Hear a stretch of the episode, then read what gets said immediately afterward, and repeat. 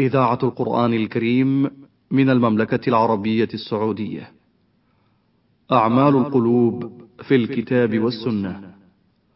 برنامج أسبوعي من إعداد وتقديم الدكتور عبد الله ابن وكيل الشيخ تنفيذ عبد الكريم المجحد. بسم الله الرحمن الرحيم. الحمد لله رب العالمين والصلاة والسلام على أشرف الأنبياء والمرسلين نبينا محمد صلى الله عليه وعلى آله وصحبه أجمعين.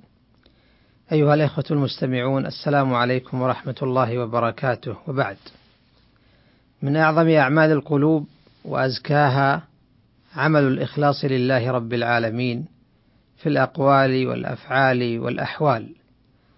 فينقاد العبد في أعماله طاعة لله ومحبة لثوابه وخوفا من عقابه.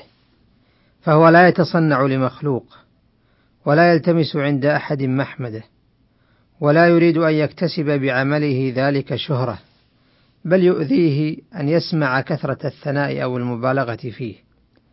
المخلص متجه إلى ربه في طاعته من صلاة وصوم وزكاة وحج وبر ليس يشغل قلبه إلا الخوف من الرد لعمله والحرمان مما كان يرجوه من ثوابه. ولذا ينتفي عنه الرياء في همته التي أقامته إلى العمل وينتفي عنه الرياء في أثناء عمله إذا أحس بعلم الناس به وينتفي عنه العجب بعمله بعد أن يفرغ منه.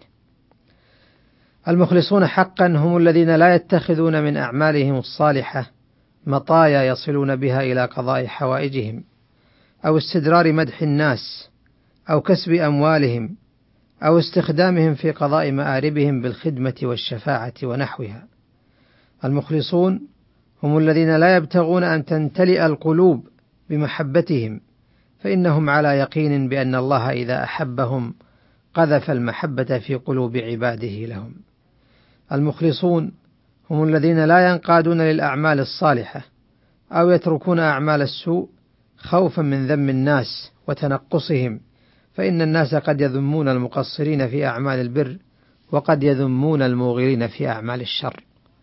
وعلى كل فالإخلاص مأخوذ من الخلوص وهو النقاء من الشوائب المكدرة للصفو. وإنما يتكدر العمل الصالح ويذهب صفاؤه بنسيان الخلق بنسيان الخالق والالتفات إلى الخلق. وقد أمر الله عز وجل بالإخلاص في كتابه فقال: وما امروا الا ليعبدوا الله مخلصين له الدين. وقال أيضا فادعوا الله مخلصين له الدين ولو كره الكافرون. وقال أيضا هو الحي لا اله الا هو فادعوه مخلصين له الدين. وقال أيضا قل أمر ربي بالقسط واقيموا وجوهكم عند كل مسجد وادعوه مخلصين له الدين.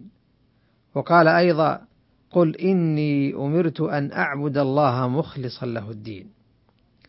وامتلأت السنة بالأحاديث الدالة على هذا المعنى من مثل ما رواه أمير المؤمنين عمر بن الخطاب رضي الله عنه عن النبي صلى الله عليه وسلم أنه قال: إنما الأعمال بالنيات وإنما لكل امرئ ما نوى فمن كانت هجرته إلى الله ورسوله فهجرته إلى الله ورسوله ومن كانت هجرته لدنيا يصيبها أو امرأة ينكحها فهجرته إلى ما هاجر إليه.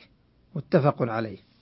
فالهجرة عمل ظاهر يفعله من قصد بها وجه الله ومن قصد بها التوصل إلى مبتغاه ولكنها إنما تكون هجرة شرعية يثاب عليها صاحبها ويجني ثمرتها إذا أخلص فيها لله. ويقول صلى الله عليه وسلم فيما رواه عنه أبو هريرة إن الله لا ينظر إلى أجسامكم ولا إلى صوركم ولكن ينظر إلى قلوبكم وأعمالكم رواه مسلم.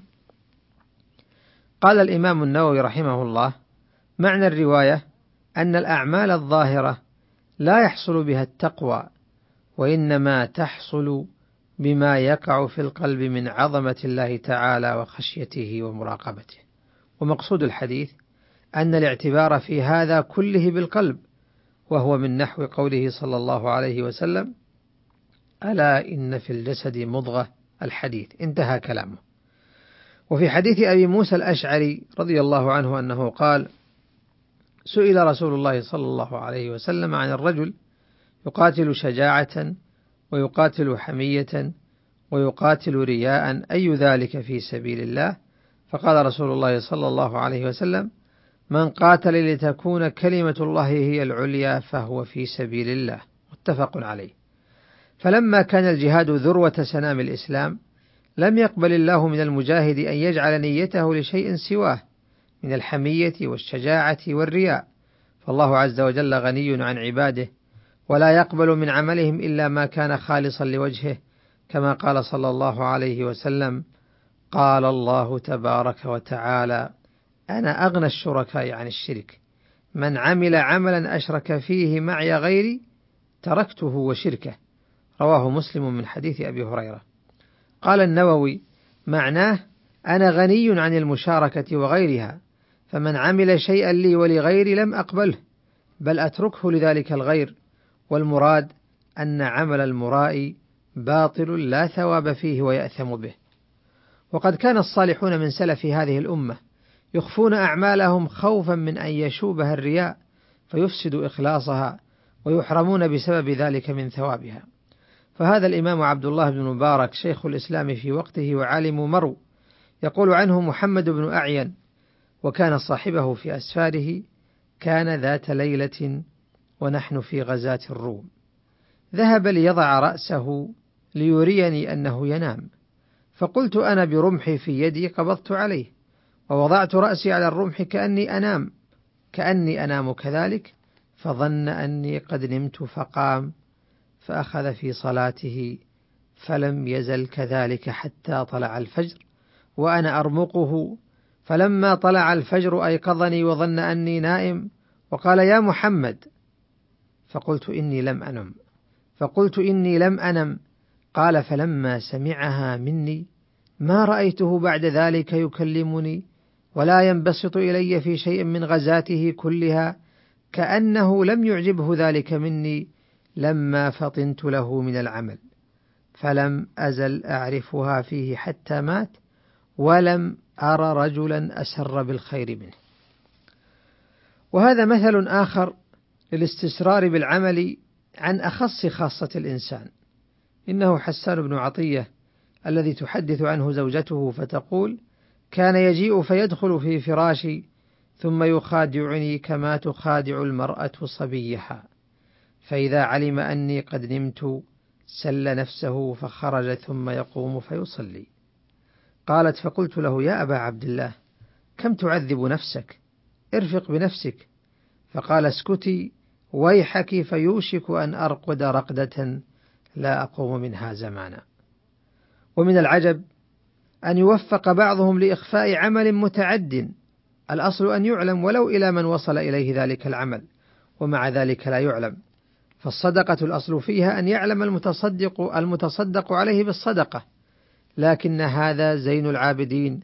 علي بن الحسين رحمه الله كان يحمل جراب الخبز على ظهره بالليل فيتصدق به ولا يعلمون من هو ذلك المتصدق. وقد كان ذلك دأبه رحمه الله. حتى إنهم لما غسلوه جعلوا ينظرون إلى آثار سواد الحمل بظهره من أثر حمل جراب الدقيق ليلا يعطيه فقراء المدينة. كانت صدقته رحمة الله عليه سرا بينه وبين ربه حتى إنهم كانوا يبخلونه أي ينسبونه إلى البخل لأنهم لا يرون صدقته. فلما مات وجدوه يقوت مئة أهل بيت بالمدينة. يقول محمد بن إسحاق كان ناس من أهل المدينة يعيشون لا يدرون من أين كان معاشهم فلما مات علي بن الحسين فقدوا ما كانوا يؤتون به في الليل. وللحديث بقية وإلى ذلك اللقاء. أستودعكم الله. والسلام عليكم ورحمة الله وبركاته. أعمال القلوب في الكتاب والسنة. برنامج أسبوعي من إعداد وتقديم الدكتور عبد الله ابن وكيل الشيخ تنفيذ عبد الكريم المجحد.